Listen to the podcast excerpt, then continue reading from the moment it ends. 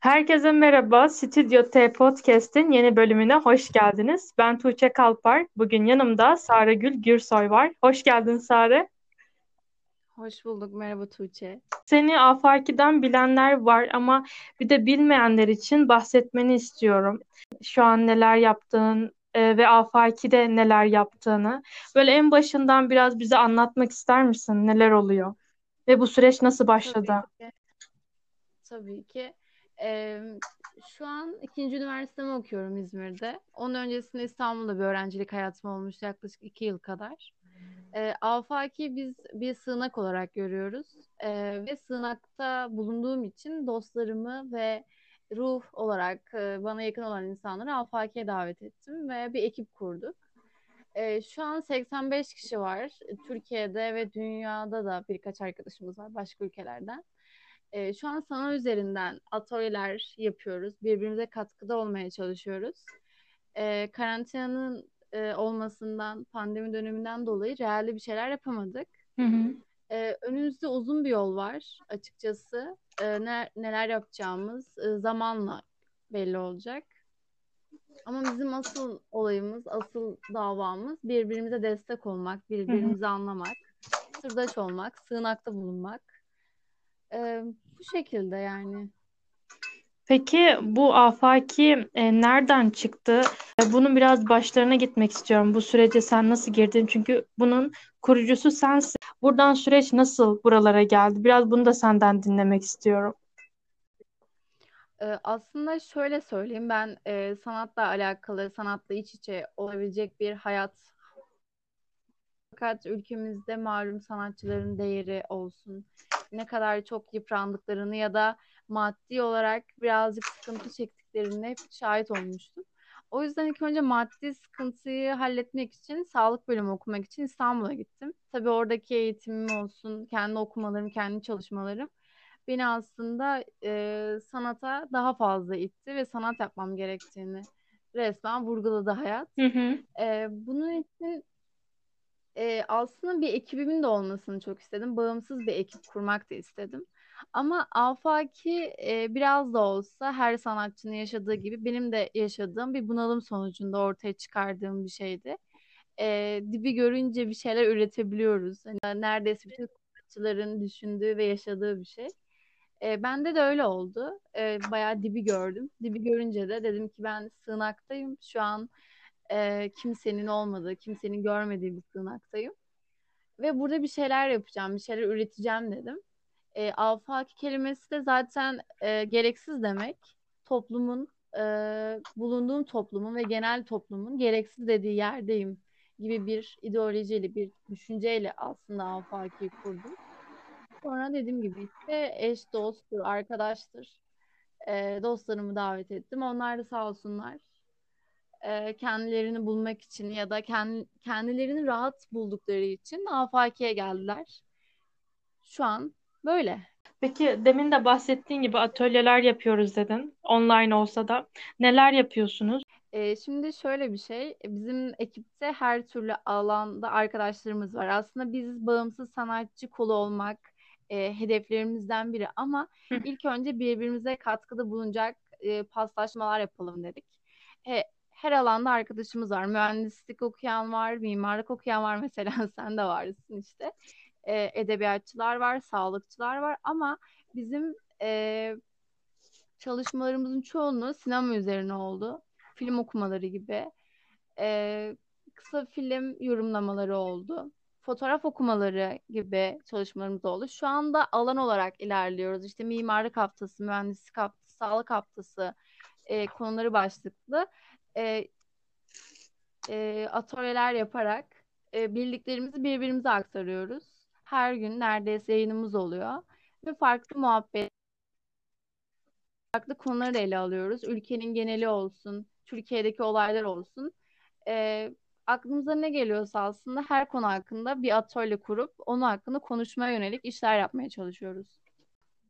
Benim dikkatimi senin bu e, arşiv fotoğrafçılığı olan sevdan diyeyim çekmişti. Onun hakkında da biraz konuşmak istiyorum. Çünkü Sare sen aslında biraz Instagram hesabından görüp de tanıdık başta.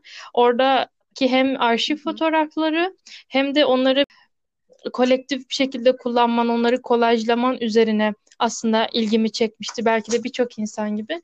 Biraz bu konudan da bahsetmek istiyorum. Hem bakış açın hem bu arşiv fotoğrafçılığı. Bunu biraz bize anlatır mısın? Tabii. E, aslında neredeyse hepimizin ebeveynlerinin elinde bir analog makinayla büyüdük.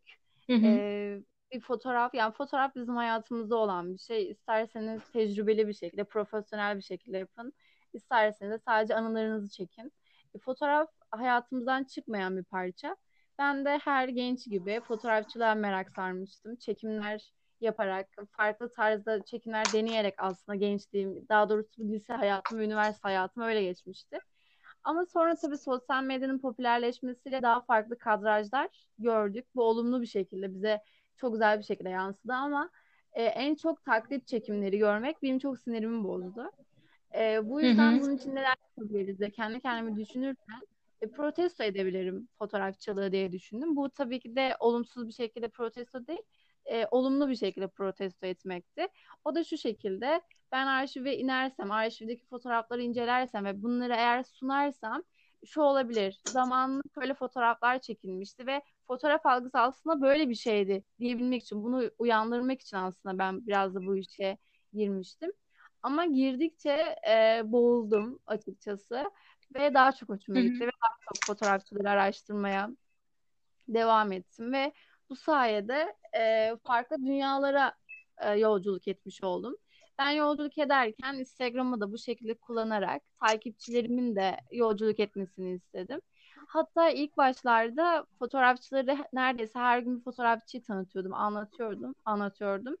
Ondan sonra zamanla e, bu fotoğrafçıların isimlerini paylaşmamaya başladım. Sadece tarihler olarak bakmaya başladım, paylaştım ve e, bu da fotoğraf algımızı e, kimin çektiği değil, ne çektiği önemli diye bir vurgulama yapmak istedim.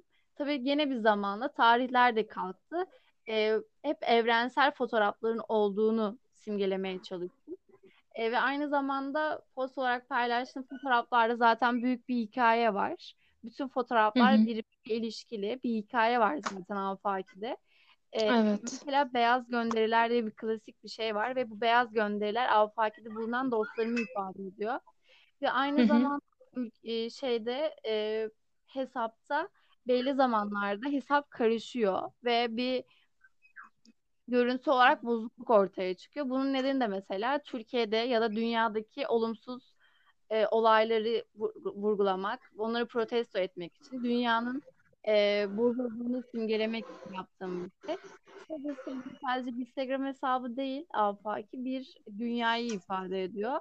Zaten çizgiler olsun, o fotoğrafların fotoğrafların e, etrafındaki renkler olsun, hepsinin bir hikayesi var.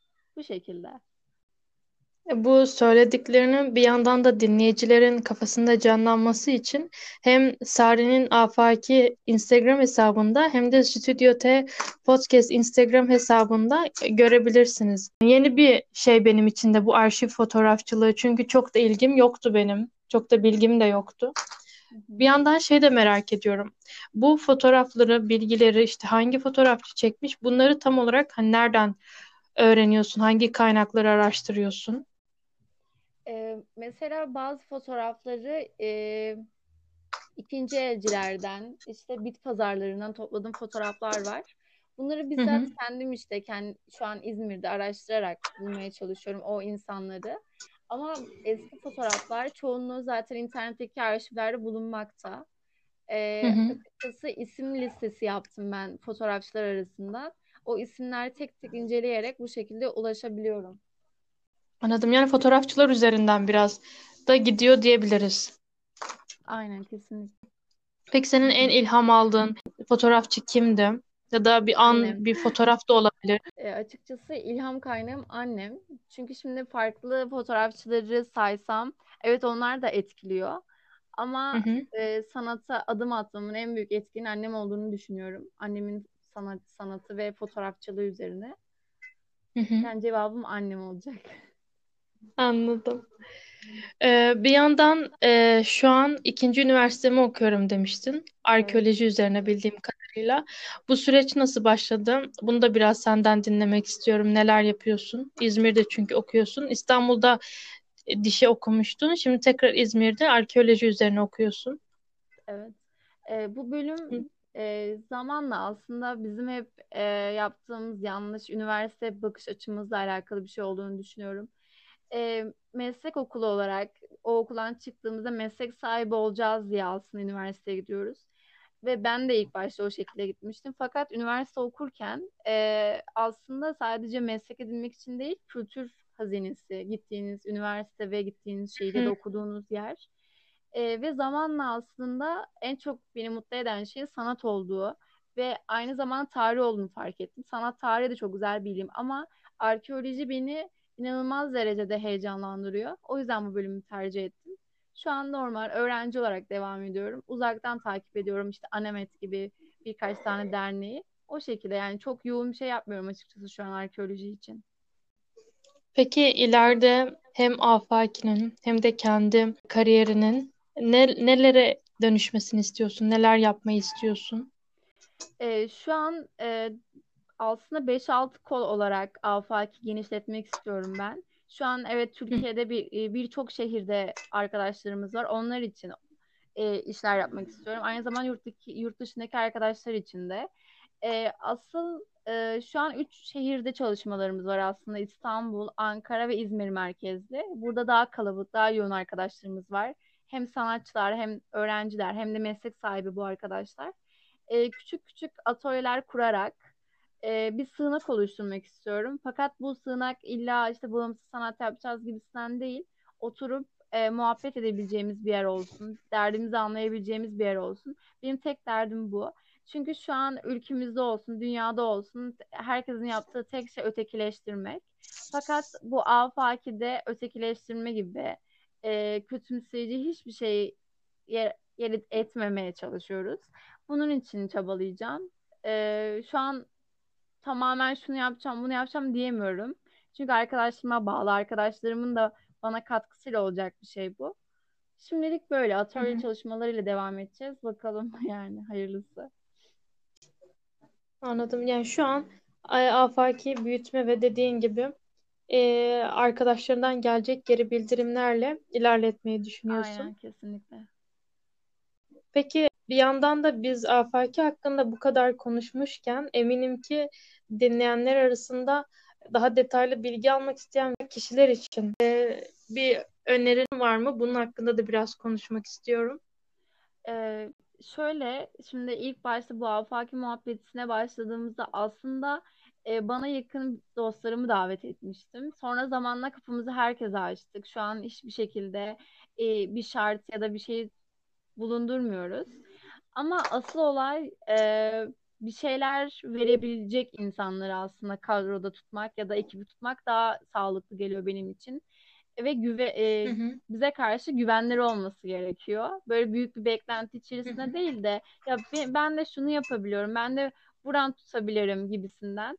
Çünkü şöyle bir şey aslında bir sığınak var ve siz misafir olun gibi bir algımız yok. Ya da biz bir sığınak hı hı, yaptık, burada bir sergi yaptık, yeni sergiyi izleyin gibi müze tarzında bir olayımız yok. Bu tamamen bir ev gibi. Ee, şu an inşa halinde gibiyiz düşünün ve hepimiz için bir sığınak yapıyoruz ve bir kişi eklendiği zaman o eklenen kişi e, tuğlalarıyla, çimentosuyla gelmesi lazım ki onun için de bir alan yapalım. Biraz daha genişletelim sığını. Böyle düşünürsek bu şekilde bir aforizme dahil olmak isterlerse kapımız herkese açık. O zaman sohbetimizin sonlarına doğru kapımız herkese açık demişken Afaki'deyim. Instagram hesabından sana yazabilirler sanırım, değil Evet mi? evet kesinlikle her zaman ulaşabilirler. Tamamdır. Sare çok teşekkür ederim geldiğin Teşekkür için, ederim. podcast'te bizimle birlikte olduğun için. Ben teşekkür ederim. Afaki için de teşekkür ederim. Kendim için de teşekkür ederim.